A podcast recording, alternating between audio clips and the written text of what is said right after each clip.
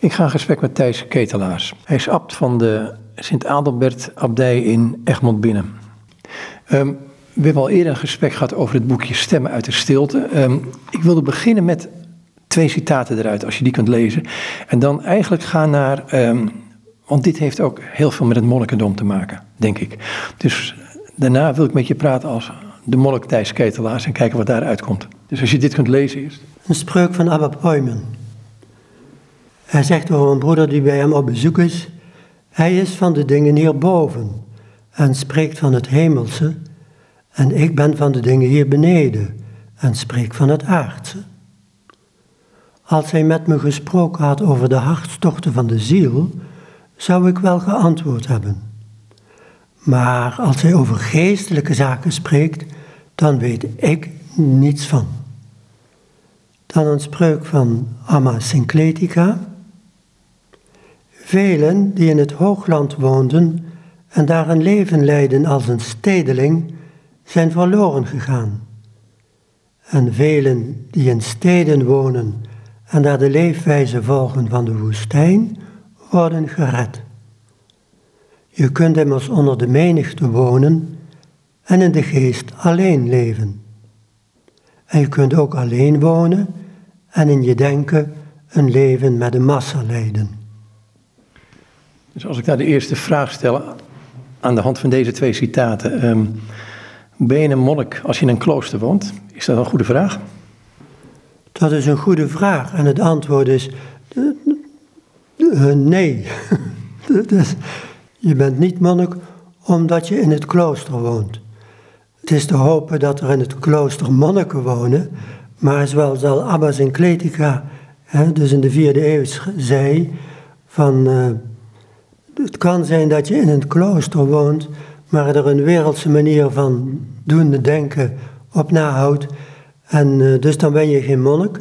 En er zijn mensen die in de grote stad wonen en die een, zeg maar, zich toeleggen op een intens gebedsleven en die dus uh, monniken zijn. Wat is een monnik? Of hoe ben je monnik? Nou kijk, het woord monnik komt van het woord monos. En dat betekent in het Grieks één. En dus als je het hebt over monniken, dan monachos betekent dan ook eenzaam. Hè? Dus um, hij die alleen woont. Maar ook dat is dan een letterlijke interpretatie, terwijl het veel meer gaat over is je leven, is je leven tot eenheid gekomen en uh, leef je dus, want dat is een, een monnik, iemand die met God wenst te leven, alle uren van de dag. Nu is dat, moet ik weer oppassen, want dat is niet voorbehouden aan monniken. Hè. Het is niet zo dat, uh, zoals dat dan in de spreuken heet, wereldlingen dat niet zouden kunnen. En dat hadden ze al heel gauw in de gaten. Onze eerste monnikenvader, althans in de traditie gaat hij daarvoor door, Antonius, die uh, dacht op een gegeven moment een beetje veel, dacht dat hij het zelf wel gemaakt had en zo. En die kreeg toen in een visioen van de Heer te horen van nou, er is iemand in de stad die niet voor je onderdoet. En uh, hij trok naar de stad en ging op zoek naar, uh, uh, dat was een, een, een dokter, een medicus. En hij vroeg hem uit, wat doe jij eigenlijk? Hij zegt waar heeft u het over? Ja, wat doet u eigenlijk? Nou, zegt hij, ik heb mijn praktijk en ik bid ochtends drie keer, geloof ik dat er staat, of een, het Trisagion, dus het heilig heilig, wat wij nog kennen uit de liturgie.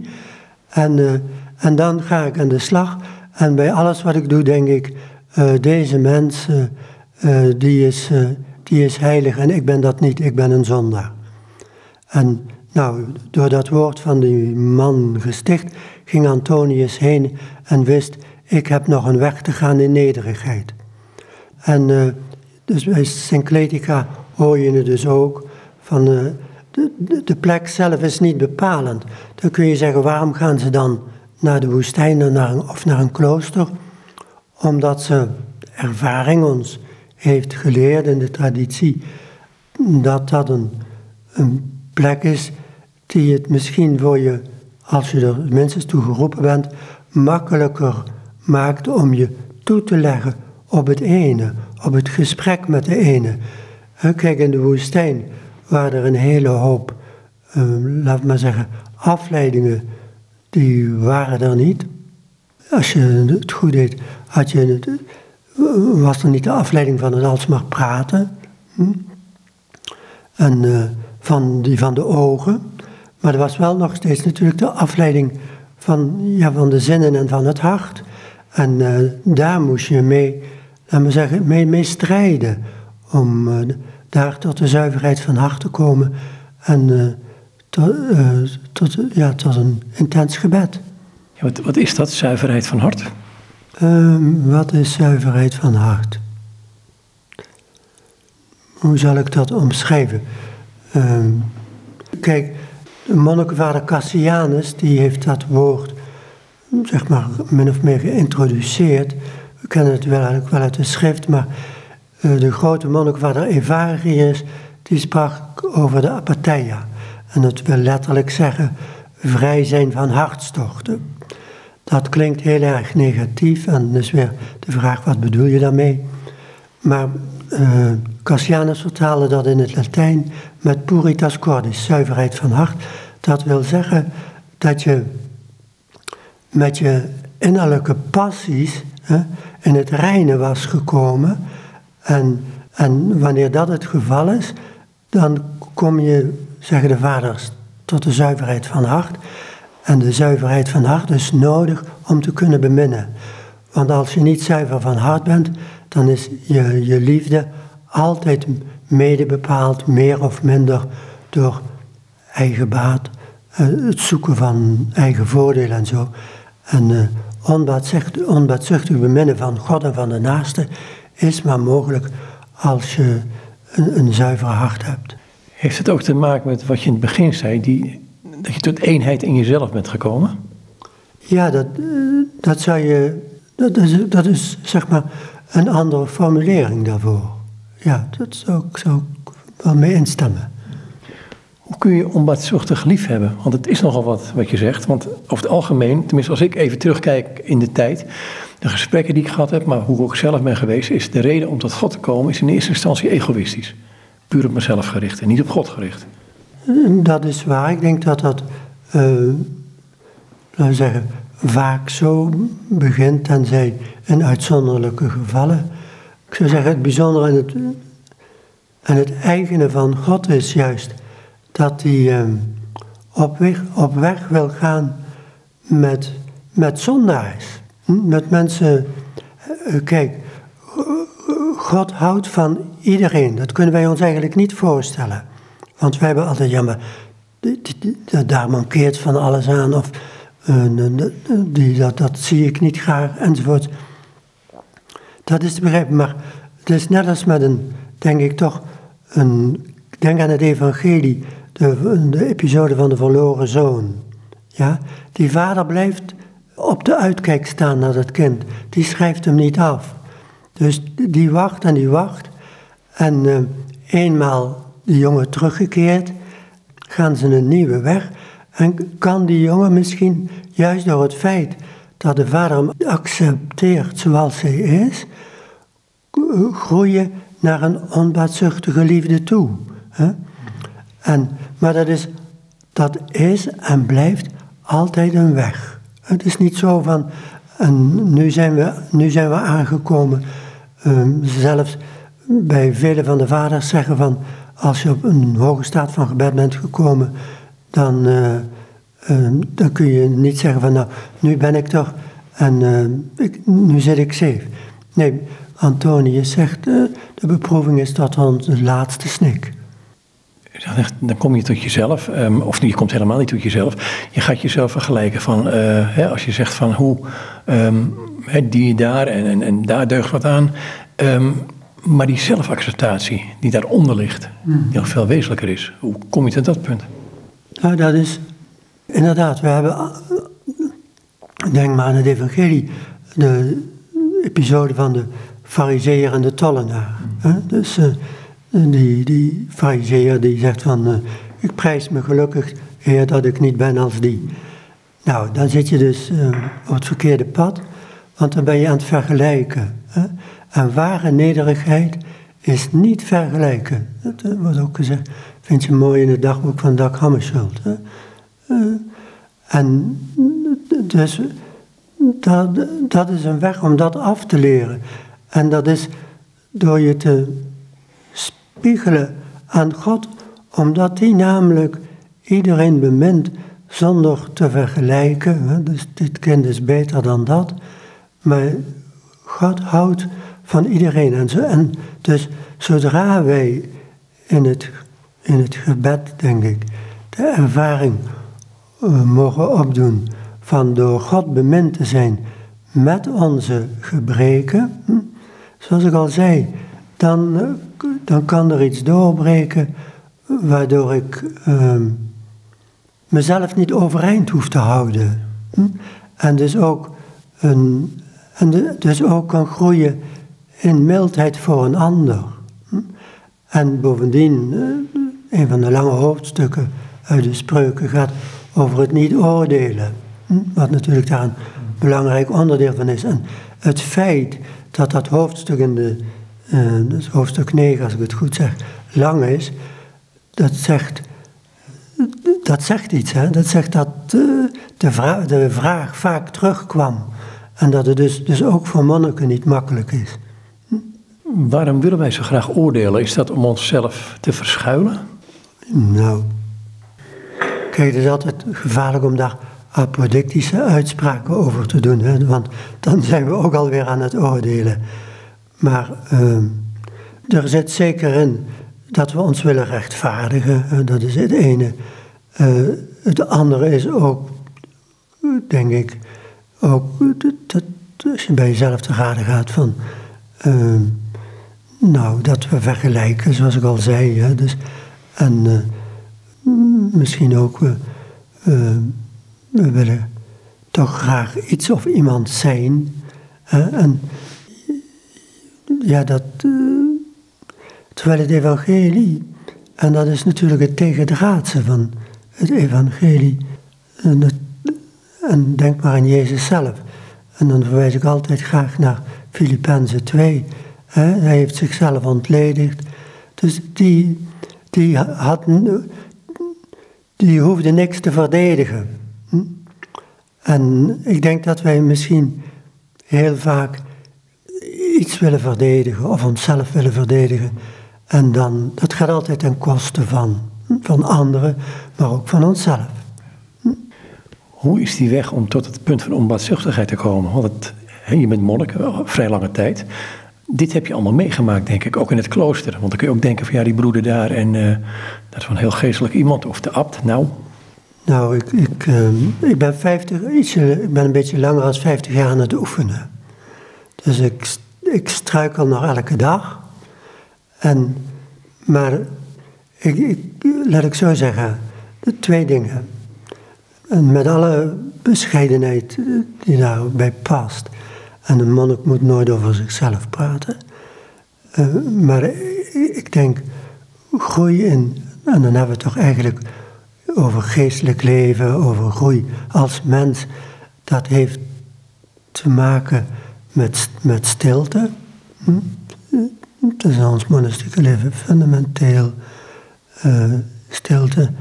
En, ja, en nogmaals met zelfacceptatie, maar die, die maar kan gebeuren wanneer je ja, probeert open te stellen voor God. En dat is iets wat, ja, wat je in het, in het gebed doet. En dat is niet iets van veel activiteiten van de, van de mensen. Ik denk, bidden is primair luisteren. Ja, dat is luisteren. Van wat heeft de Heer te mij te zeggen? Welk woord heeft hij voor mij? En dan, dan word je gewaar van, uh, ach, wie ben ik? Hm, wie ben ik? Nou, een zondaar. Hm? En dat is helemaal niet droefgeestig. Sommige mensen denken van, oh, dat komt iemand. Nee, wij zijn, want we weten allemaal als we eerlijk zijn, dat we, of je dat nou volmaakt noemt, of mensen zijn met een handleiding of met eh, die, iedereen. En, en daar leggen we vaak mee in de clinch. Maar als we nou zouden kunnen groeien in uh, het besef, wat ik zei, dat we door God bemind zijn zoals we zijn. Hm? Zoals we zijn. Nou, dan, dan, is er, dan is er ruimte voor groei. En dan, dan kun je, waar je jezelf kunt accepteren, komt er ook de weg voor acceptatie van de ander. Wat niet wil zeggen uh, dat je dan, uh, dat dan alles goed is.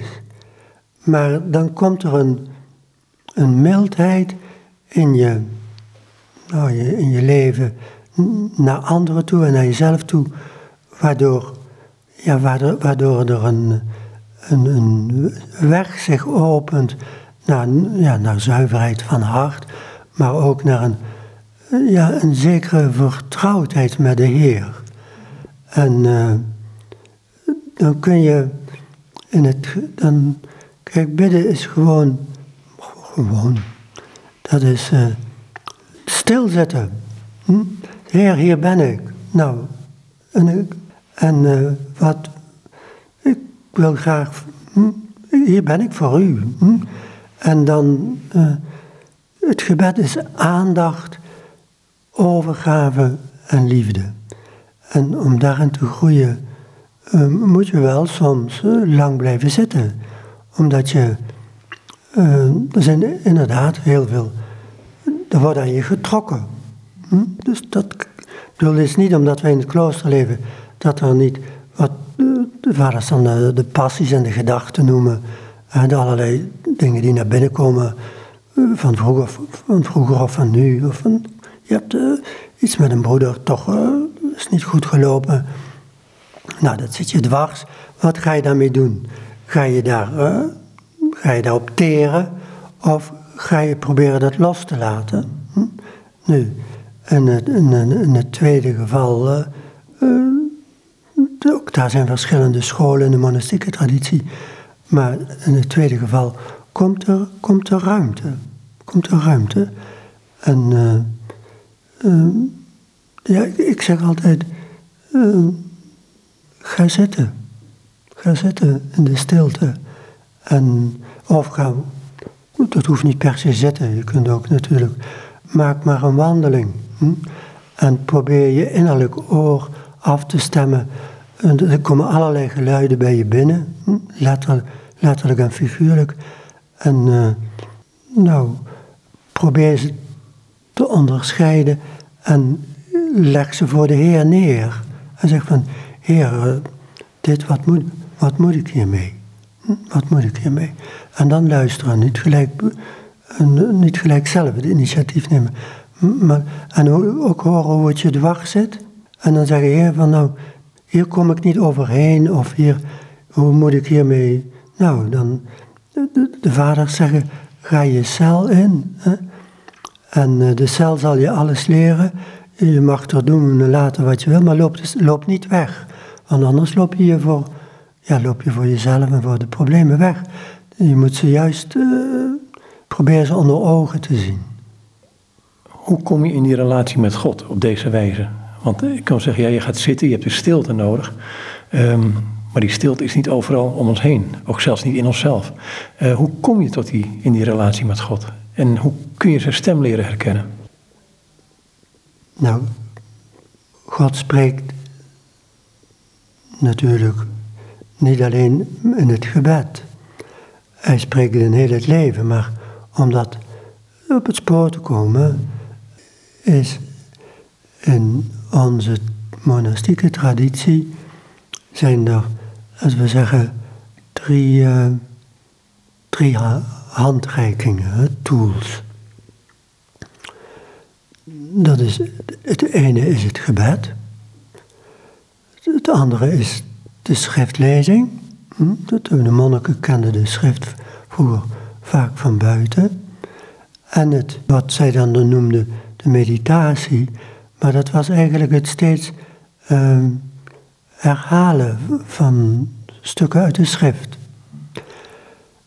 En dan is het van belang dat je probeert, ja, te luisteren. Van, bijvoorbeeld, als we Lectio Divina doen, geestelijk vandaag, elke dag doen de monniken dat, lezen we de evangelie van de dag. Dat lees je heel rustig. En dan lees je het nog een keer rustig. En nog een keer. En dan merk je op of dan welk woord of welke zin springt er nu vandaag voor mij uit. En dan is dat het woord wat vandaag voor jou is. En dan gaat het tweede deel van die, van die lectie gaat dan door met dat woord stilletjes of langzaam voor jezelf herhalen en kijken wat er dan met je gebeurt. Wat, wat komt er boven? Wat, wat laat de Heer je met dat woord proeven? Hm? Gisteren hadden we bijvoorbeeld het evangelie van, uit Marcus van, uh, dat ze zeiden, Jezus was iemand die sprak met gezag. Nou, uh, en hij sprak niet zoals de fariseeën en schriftgeleerden, maar hij was iemand die sprak als met, met gezag. Nou, dat kan, misschien springt dat woord eruit. En dan, uh, nou, probeer dan te luisteren naar wat, wat is dan het unieke aan Jezus, wat is dat met gezag uh, dat is niet dat hij hard op de tafel sloeg of stem verhief, maar dat, dat had iets met, met de binnenkant te maken. Dat het, het woord binnenkant, ik denk, als, de, als het kat, exousian in de schrift, nou dat heeft iets te maken met de geest. Dat hij door de geest bewogen is en niet alleen maar een tekst van buiten leert en die, die opzegt. Maar, dus dat kan je door dagelijkse schriftlezing en te overwegen en dan zo'n, dan in de traditie is het dan natuurlijk nog, eindig je zo'n, dat met te proberen wat er dan, die tekst die jou heeft aangesproken, om die zeg maar bidden terug te geven aan de Heer. Zeg van, Heer, ik, ik, ik, heb het woord van u ontvangen hè? en ik heb dit gehoord en uh, mag ik u vragen, zus of zo. Hm? Nou, dat kan je dan door de dag helpen. Een leidraad aan je leven geven. En op op door de dag, en je kunt dat woord door de dag nog eens herhalen. Dat is een van de, van de, van de werktuigen, zou ik maar zeggen, die het monastieke leven kent. Maar dat vraagt toch ook, zoals bij alles, dat, er een, ja, dat je een, situatie creëert waarin je het ook kunt horen. Dus de, de, de stilte is natuurlijk op het ogenblik in onze maatschappij een heel, ik denk, een van de duurste artikelen. En, uh, maar dan kunnen we ons de vraag stellen van, waaraan ligt dat? Kunnen we natuurlijk allerlei mensen of dingen de schuld geven. Maar wie verbiedt mij om ochtends bij het opstaan te zeggen, ik sta een kwartier eerder op en dan ga ik een kwartier uh, zitten. Of, achter mijn tafel of op mijn uh, gebedsbankje. En dan lees ik een stukje evangelie, of ik lees een psalm, of ik heb een ander gebed, wat ik ooit aangereikt heb gekregen, of wat. Nou, wat ik heel rustig lees en daarbij stil blijf staan.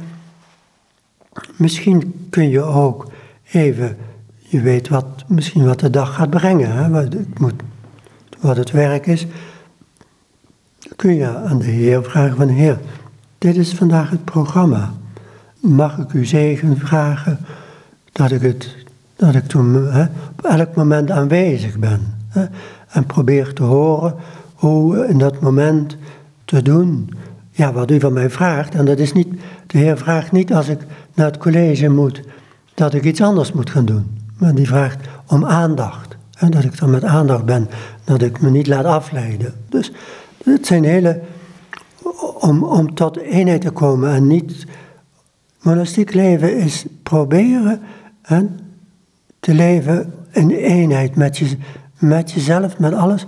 En dus dat wil zeggen de verstrooiingen zoveel mogelijk buiten te houden, want dan ben je nooit op de plek waar je bent. En elke ochtend beginnen wij eh, de eerste dienst met Psalm 95. En dat is heden als gij zijn stem hoort. Niet morgen, niet gisteren, maar leef heden, deze dag krijg je, dit moment. En dat is verdraait niet vanzelfsprekend. Want we weten hoe makkelijk we afgeleid worden of wegdraaien, noem maar op. Nee, en, en, en, en daarom is concentratie, aandacht, dat is het meest wezenlijke in het menselijk bestaan, denk ik. Zowel in onze relatie tot God, ook als tot elkaar. Als ik met iemand in gesprek ben, ben ik er dan echt bij?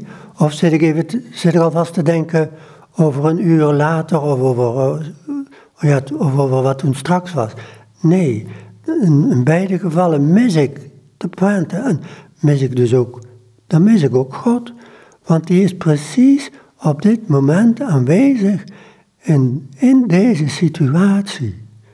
En dat is misschien soms wel eens een lastige situatie, maar dan is denk ik de, de, de uitnodiging om daar uh, aandachtig te zijn, maar ook, en dat is ook een, het, zijn, het is allemaal een weg van uh, je niet, moet ik dat zeggen, ja, innerlijk rustig te blijven, zodat ik, hoe moet ik dat nou proberen uit te leggen?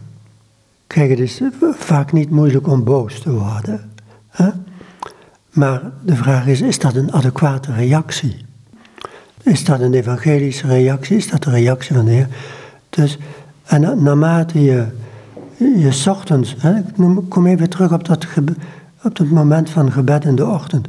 In het moment dat we dat inoefenen, kan er een gaandeweg in ons iets groeien van een houding die met ons meegaat door de dag hè, en ons dan ook kan behoeden en bewaren voor, voor schuivers die, die niet heilzaam zijn. Voor de ander niet en ook niet voor ons. Ja, nou, dus, en daarnaast hebben we natuurlijk in de gemeenschap als monniken, hebben we natuurlijk wat wij dan noemen het goddelijke officie, dus het, gezamenlijk gebed, wat voornamelijk uit psalmen bestaat. En nou, dat is natuurlijk iets waar we, wat we niet alleen maar voor, voor onszelf bidden, maar dat bidden we namens de kerk en namens heel de mensheid. Nou, bidden we daar, want hopelijk zijn we niet elke dag in de, in de moet dat zeggen, de gesteltenis, dat we al die uh, zware psalmen van uh, pijn en geweld en uh, noem maar op, dat, dat gaat niet alleen over onze innerlijke gesteltenis, maar dat gaat over een wereld die een barensnood is, waar zoveel leden en onrecht is en waar wij stem aan geven. En door daar stem aan te geven, komen we onszelf tegen ook. Van, uh, zijn we wel bereid om in zo'n situatie uh, te vergeven? Of die, kijk, er is tegenwoordig de, ik zou bijna zeggen de mode, maar dat mag ik niet zeggen. In het huidige brevier worden, wat men dan noemt, vloekverzen uit de psalmen weggelaten. Dat kan, of dat is, heeft Romein, Rome heeft dat goedgekeurd. Ik, ik ben daar niet zo gelukkig mee. Wij doen het niet. Waarom? Dan maken we ons iets wijs. In ons leeft, in ieder van ons zit op zijn tijd agressie. Is het niet in het klein, dan is het in het groot, of is het niet in het groot, dan is het in het klein. En als je die ontkent, nou, dan gaat die onderhuids en dan wordt het alleen op de duur nog erger.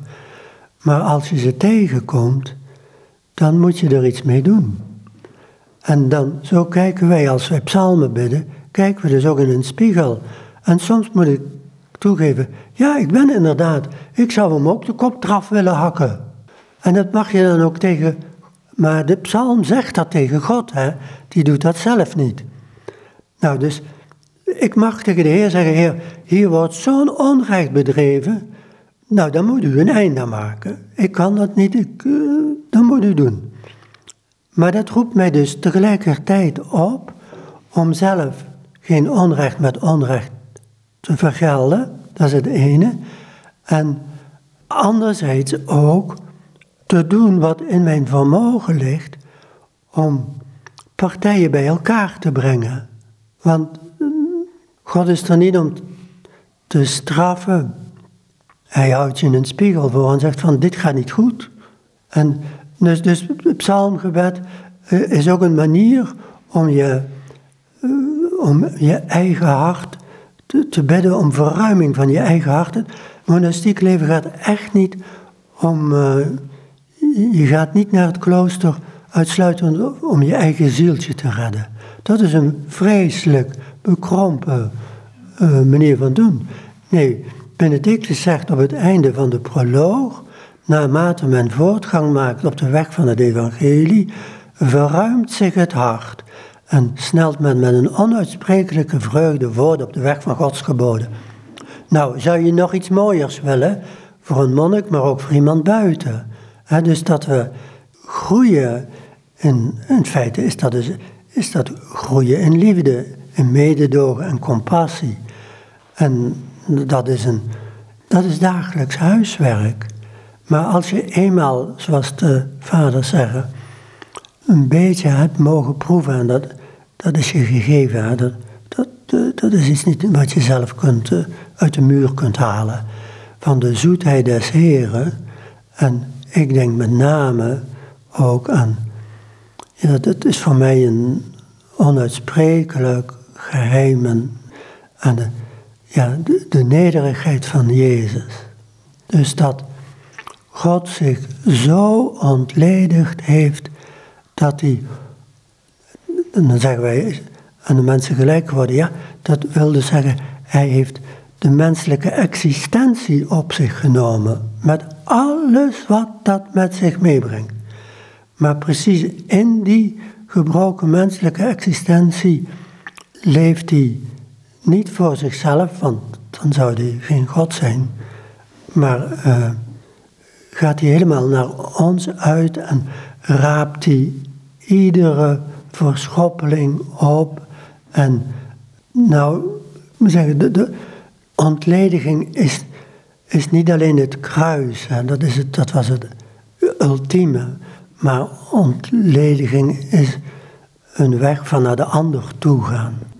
En waarbij jezelf, maar bij Jezus is dat niet iets van, nou moet ik mezelf vergeten, of moet ik dat zeggen, maar dus die, die ja, de, de nederigheid van God, die als je daar ooit een beetje van geproefd hebt, dan, dan hoef je zelf niks meer staande te houden.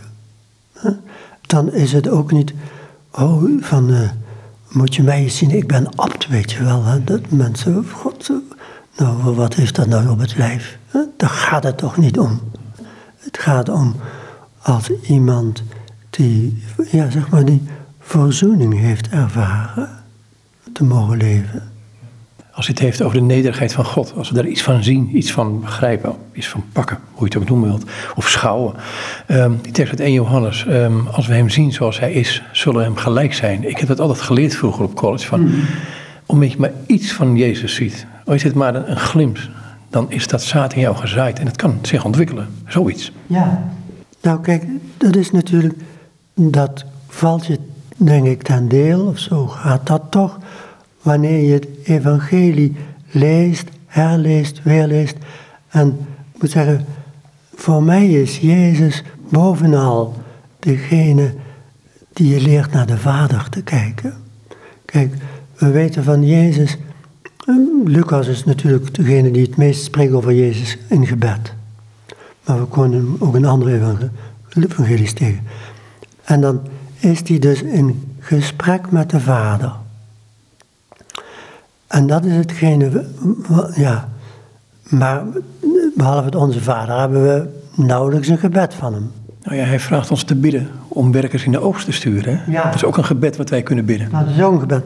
Maar, maar ik bedoel uh, te zeggen van, hij zegt niet, uh, hij geeft ons het Onze Vader en daar kun je nooit mee uitgebeden raken, om het zo maar uit te drukken. Bijvoorbeeld alleen al de, de eerste bede van het Onze Vader. Uw naam worden geheiligd. Als je dat laat binnenkomen hè, en als een soort, mag ik dat woord gebruiken, mantra gebruikt, hè, dan, nou, en je, je doet dat dagelijks, je begint misschien met vijf minuten, dat later meer en zo, dan gebeurt er iets met je. De, de geest werkt met je. En kijk, dat is het gebed wat hij ons heeft gegeven, maar wat hij natuurlijk dus ook, je geeft wat je hebt ontvangen. Dat is wat hij zelf ook heeft gebeden. En het, onze vader begint, dat vind, ik heel belangrijk, dat begint niet achteraan. Met, uh, geef ons heel ons dagelijks brood en vergeef ons. Nee, dat begint met, met, uh, met de vader. En uh, dat zijn wil geschieden, dus dat is onze, dat is de, de insteek. Nu, als je de evangelie, zoals ik zei, leest en kijkt naar wat, hoe Jezus daar is, en zijn er natuurlijk de wonderverhalen en de prediking, maar kijk vooral ook naar, het zijn niet veel pericopen, maar ze staan erin dat Jezus, vanochtend hadden we weer, hij komt uit de, synagoge, gaat naar het huis van Simon en Andreas, waar de schoonmoeder uh, ziek ligt, die wordt genezen. En s'avonds doet hij nog genezingen en s'nachts gaat hij in gebed. Nu, blijf daar eens bij stilstaan, want dat is precies de plek, mag ik het zo zeggen, waar Jezus zelf de kracht, de spirit en ook de vreugde vandaan haalde. Dus is, ga met Jezus in gebed. Je hebt een je hebt een hele mooie gebed van Dag Hammarskjöld. Dat is trinitair. En dat luidt als volgt. Voor u in deemoed, met u in geloof, in u in stilte. Nou, daar hoor je de, de Triniteit in terug. We gaan voor de Vader staan, knielen in deemoed in nederigheid. Want hij is groter dan ons hart. Hè? Wij streden voor Gods aangezicht. Nou, dat is waar onze, onze blikrichting. Hè? We gaan naar de Vader. En dan is het, in de traditie is het dan per Christum, door Christus. Maar hier staat, bij Hammerstul staat, met u in geloof. Dat is de Christus. Wij gaan naar de Vader toe met Jezus. En je kunt dus in het gebed, ga maar op je krukje zitten, zeg ik dan, met Jezus naast je. En vraag, Heer, neem mij mee in uw gebed naar de Vader. Hm? En dan hoef je niet heel veel te zeggen. Maar als je dat elke dag doet, je zult merken dat er iets gebeurt. En de derde is dan in u in stilte. Dat is de geest. Want dat zie je gebeuren als je in gebed met je, hè, als je met Jezus hè, dus gaat zitten gericht op de Vader, dan heb je niet veel, je hebt je geen woorden nodig. Maar het is precies de stilte waarin, ja, wat de plek is van de geest en die, die daar, die daar aanwezig is. En dat kun je elke dag dat kun je ook als een soort, ook als een soort mantra. Of, kijk, we hebben de rozenkrans, zal ik maar zeggen, in de katholieke traditie. Andere tradities hebben de Oost-orthodoxie, wat ook in, tegenwoordig in het Westen en ook bij onze broeders veel gedaan wordt, is het Jezusgebed. Hè? Nou, ook, ook, een hele goede ja, methode om je te laten meenemen en dan weet je ook, dat geldt ook voor onze vader, dat geldt voor klassieke gebeden. Bedenk als je dan gaat bidden van, nu ga ik dit gebed bidden. En dat doe ik niet alleen, want dat Jezusgebed, dat komt al uit de woestijn. Dat is door generaties en generaties gebeden. En die bidden met mij mee en ik bid met hen mee. Ik laat me meenemen. En dan moet je niet zitten niet denken van, oh, en wat voor, uh, wonderen of elevaties of visioenen. Daar gaat het toch niet om. Het gaat over presentie. Ben ik present? Ben ik bij God present? En ik mag erop rekenen, als ik begin met het gebed, daar moet je ook met stilte beginnen. Zoals de traditie dat dan noemt, zoals we dat hebben geleerd. Dat heet dan je in de aanwezigheid van God plaatsen. Want die is er. Die is er. Misschien dat we dat al te vaak vergeten. Maar die is er. En het begint met Hem. En wij mogen daar als het ware aanschuiven.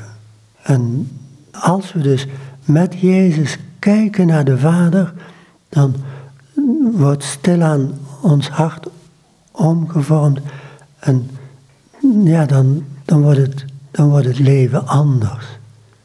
Er is een ander aspect. Um, wat je eerder toucheerde in het, gesprek, uh, toen we het over de psalmen hadden even. En dat je in de psalmen dus de meest vreselijke dingen te Gods schijnbaar kunt zeggen of kunt zeggen. Dus dan gaat het om die wederkerigheid. En dan moet ik denken aan mensen als Abraham en Mozes, van Mozes, die op een gegeven moment ook kwaad konden worden op God. En met hem in, dit, met hem in gesprek gingen. En naar wie God toch hoorde. En op basis van, bijna van gelijkwaardigheid moet ik zeggen, antwoorden. Ja, uh, kijk, in onze, onze christelijke traditie wordt gesproken over God als persoon. Dat is natuurlijk enerzijds een metafoor natuurlijk, is een beeld, maar tegelijkertijd wil dat, wil dat, verstaan we dat allemaal, denk ik toch, omdat we wil zeggen dat het een relatie is. Het is een, hoe moet ik zeggen, we zijn, Johannes zegt dan wel op het eind, dus je hebt geciteerd dat we gelijk worden aan God, maar daar zijn we nog niet. Hè? Maar we, we, zijn wel in dat verbond opgenomen, in dat gesprek. En ik, denk, en je ziet het ook aan Job, hè? dus die, is, die durft ook alles te zeggen. En, en hij krijgt tenslotte van, hij krijgt van God gelijk, want die vrienden die ja, vonden dat hij, uh, maar zeggen, te grof in de mond was naar de Heer en uh, noem maar op. Nee, ik denk, dat is toch ook het, wat je in een ware vriendschap, kun je alles zeggen, maar het hangt natuurlijk ook op een bepaald moment af van de toon waarin het gebeurt. En, maar tegen God mag je alles zeggen. En ik kan bijna, zou bijna zeggen, hij kan tegen een stootje. Want omdat hij namelijk, God is onbaatzuchtig. En dus die heeft niks te verliezen. Die heeft alleen iets te winnen. Wat heeft hij te winnen? Jou. En daarom gunt hij je dat je er alles ik zou bijna zeggen, uitflapt en zegt wat je op het hart ligt. En soms heb je van die dagen dat je dingen meemaakt, ook als een abt, dan weet je, dan weet je daar eigenlijk geen raad mee. Dan denk ik, hoe los ik dat nou weer op? Of, Zoals vandaag, dat we alle twee een verkeerde, een ander tijdstip in onze agenda te staan. Dat is, dat is, dat is een makkie, hè? Maar dus, dat er dingen zijn. En dan, dan kun je verschillende dingen doen misschien heb je, denk je van nou, ik ga die psalm bidden, want dat is mijn, mijn stemming, om het zo maar uit te drukken. Nou, bid die dan heel rustig, niet afjakken, maar bidden om ook te laten, het te laten gebeuren. En dan blijf daarbij stilzitten en neem daarna eventueel, herneem dat met woorden, zeg ja, ja, wat hier gezegd wordt, dat is, herken ik me helemaal in en het doet me zozeer en, hè? Voer dat gesprek. Maar zoals in een gesprek moeten we ook af en toe zwijgen, de anderen aan het woord laten. Dus laat ook stiltes vallen om te horen wat er gebeurt. Of, ja, of er iets bij je binnenkomt. En de Heer je toch niet aan een punt van de ziel raakt. Hè? Van uh, broeder Thijs, uh, je hebt het. Hè? Dus, dus dat is het. Dat is het ene. En uh, ja, dus je kunt er een psalm voor nemen, maar je kunt ook begin eerst met stilte en begin dan te zeggen, Heer, nou, dit is vandaag voorgevallen en ik zit daar zo mee. Zoals, je, zoals in, het, de schrift staat, Mozes sprak met hem zoals een vriend spreekt met een vriend. Nou, die houdt niet achter. Die zegt, ja, Jan, nou zit ik toch met een probleem of ik heb toch iets meegemaakt. Dat valt me zo zwaar. Nou, door het uit te spreken, dat is een act van vertrouwen. Want dat geeft aan dat je, er, dat je gelooft. Dat je op een of andere manier gehoord wordt. En precies door dat te doen, kan er ruimte ontstaan om, om de geest die in dat, in dat gesprek betrokken is, uh, ja, zijn werk te laten doen. Ga naar Job toe, wat je net zei. Um, die drie vrienden die wisten het allemaal heel goed. Eigenlijk een soort dogmatisch theologisch antwoord, mag ik het een beetje gek zeggen. Op het verdriet van Job. Job schreeuwde het uit. Het frappante vind ik altijd in het boek, maar je moet het maar becommentariëren, is dat eh, Job niet zegt van nu heb ik een antwoord gehad, maar mijn ogen hebben u gezien. Dus het, het is meer in die ontmoeting dan in de uitleg. Ja, dat is. Job is een prachtig boek, natuurlijk ook een, best ook wel een moeilijk boek, vind ik. Hè? En uh, dus op het laatst is er een. Ja, ik weet niet hoe ik dat moet benoemen, beschrijven, maar je geeft het zelf aan. God geeft dan een antwoord wat eigenlijk toch ook geen antwoord is. Hè?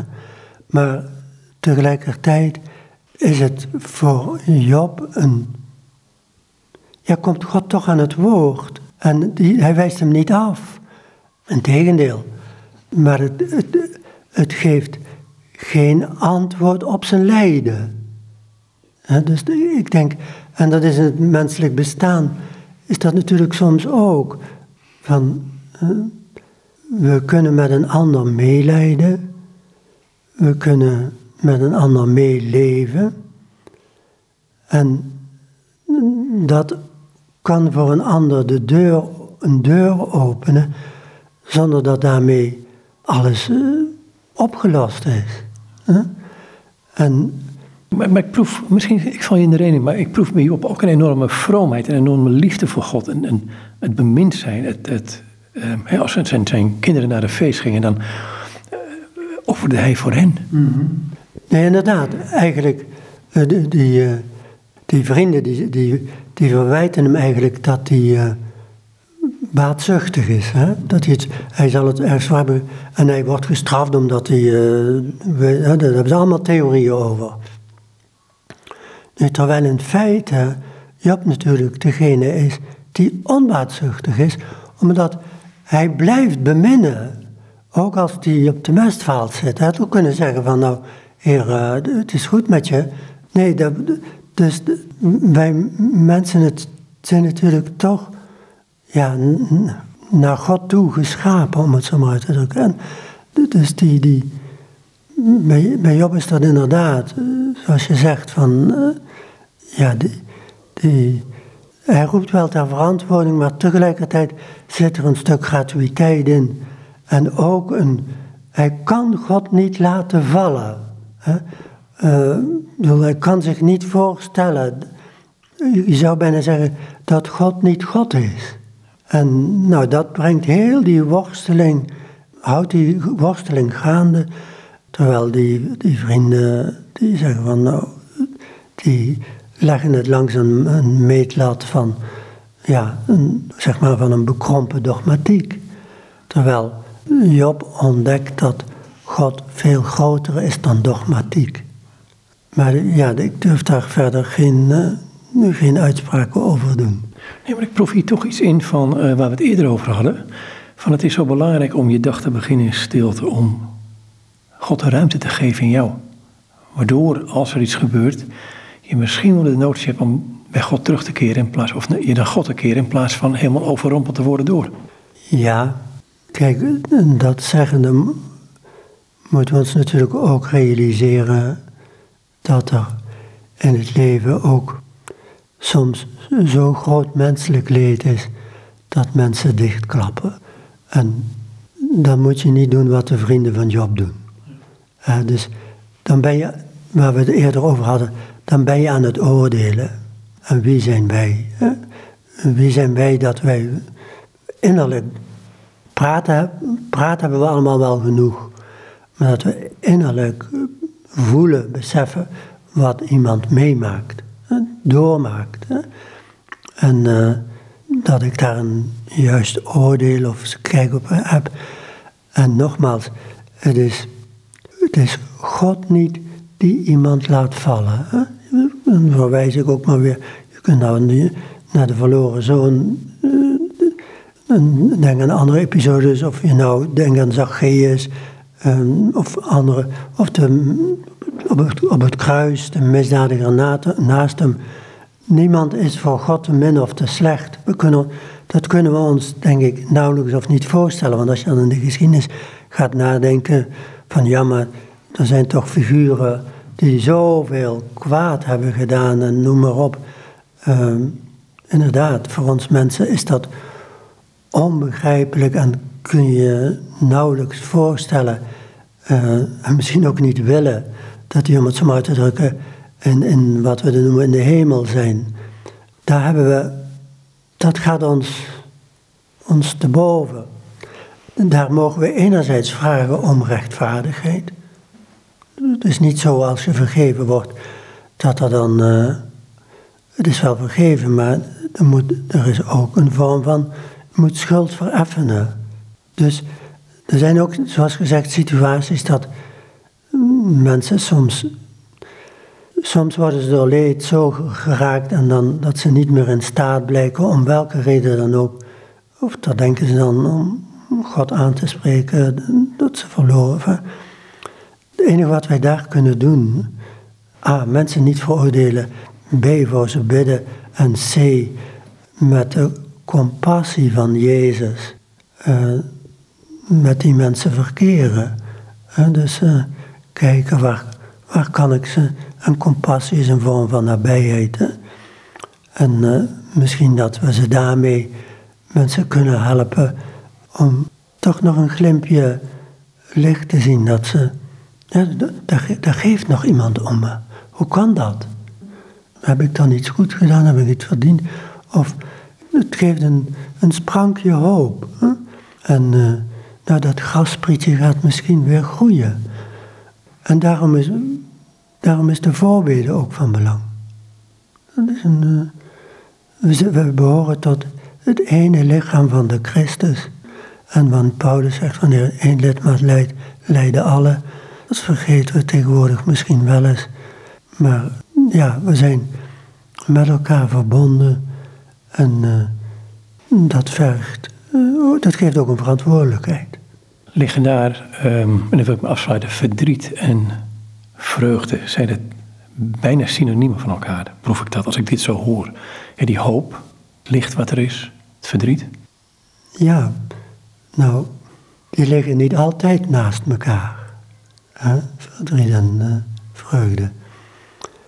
Maar uh, samen, samen verdriet delen is niet alleen maar verdriet. Daar zit al een, ja, het, het, kleine meisje van de hoop in. En uh, nou, waar dat vlammetje wordt ontstoken, is, is er een weg. En ja, en dat is wat we, denk ik, wat het belangrijkste is van het leven. Dat we hopen en bidden dat er, de, dat er altijd een weg is. Hm? Dus van God uit is er altijd een weg. Misschien met vele omwegen en diepe dalen, maar en als je daarin durft geloven, is er ook altijd, ja, dan is er dan is er hoop.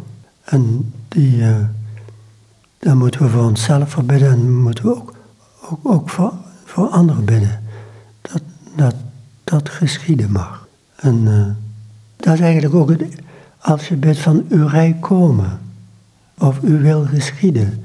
Dat het, het, zijn, het zijn misschien voor sommigen heel afgesleten woorden.